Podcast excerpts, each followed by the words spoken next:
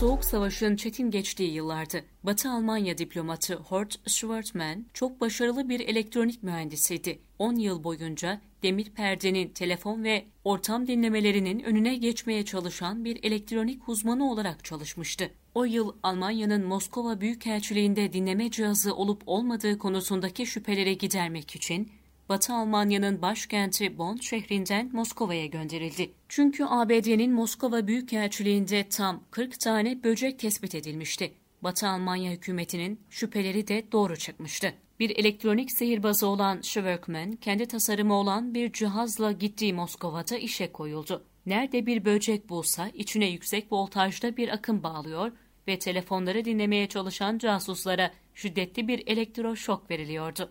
Böcekler verilen yüksek voltajla etkisiz hale geliyor, dinlemeyi yapanlar ciddi bir işitsel acı ile karşılaşıyorlardı. Ancak Ruslar için sorun bundan daha büyüktü. Schwerkman özel makineye bağlanmış elektronik bir alet bulmuştu.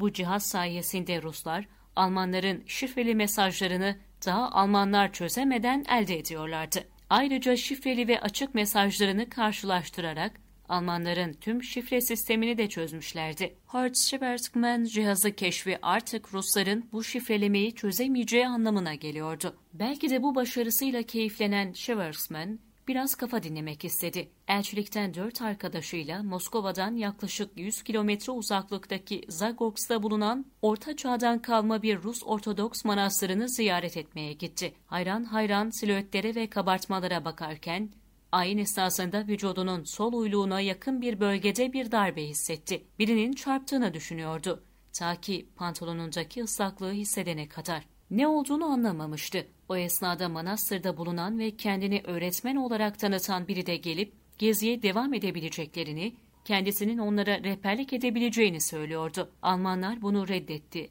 Çünkü Schwerkman büyük bir bitkinlik hissediyordu. Moskova'ya dönmeleri şart oldu. Bacağında delici bir ağrı vardı. Moskova'da kendisini kontrol eden ve asit yanığı teşhisi koyan ABD'li doktor, Schwerkman'ın acilen Batı Almanya'da hastanede tedaviye gönderilmesi gerektiğini söyledi. Fakat Almanlar enteresan şekilde tüm uçuşların rezerveli olduğu bilgisiyle karşılaştılar. Hort Schwertman, büyük bir diplomasi trafiğiyle ancak iki gün sonra başkent Bonn'a dönebildi. Mühendis Horst Schwertman'a ilk defa Birinci Dünya Harbi'nde Almanlar tarafından kullanılan hardal gazının fışkırtıldığı tespit edilmişti. Ruslar, Almanları bir mühendis üzerinden kendi silahlarıyla vurdu. Ciğerleri hasar gören, ilk etapta bacakları artık işlevine yitirecek gibi görünen Schwerkman'ın tedavisi sonuç vermiş ve hayatta kalmıştı. Bu olay o dönem Almanya ve Rusya arasında büyük bir diplomatik soruna dönmüş ve ciddi yaptırımlar uygulanmıştı. Dönemin Sovyetler Birliği Başkanı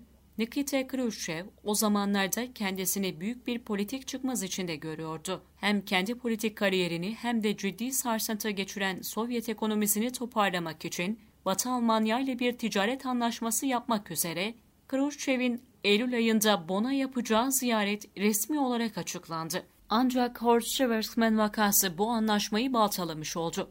Batı Almanya hükümeti bu mesele çözülünceye kadar Khrushchev'in asla başkente davet edilmeyeceğini duyurdu. Her ne kadar Ekim ayında Sovyet yönetimi özür dilemiş olsa da o gün tatilde olan Nikita Khrushchev Moskova'ya çağrılmış ve yönetimden azledilmişti. Geçmişe bakarak parçalar birleştirildiğinde Sovyetler içerisinde birilerinin hem bu anlaşmaya karşı olduğu hem de Alman şifrelerinin çözümünden gün be gün faydalanırken bu fırsatın elden kaçırılmasına karşı çok agresifleştiği aşikar. Ya da kim bilir belki de tüm bunlar büyük bir rastlantının eseridir.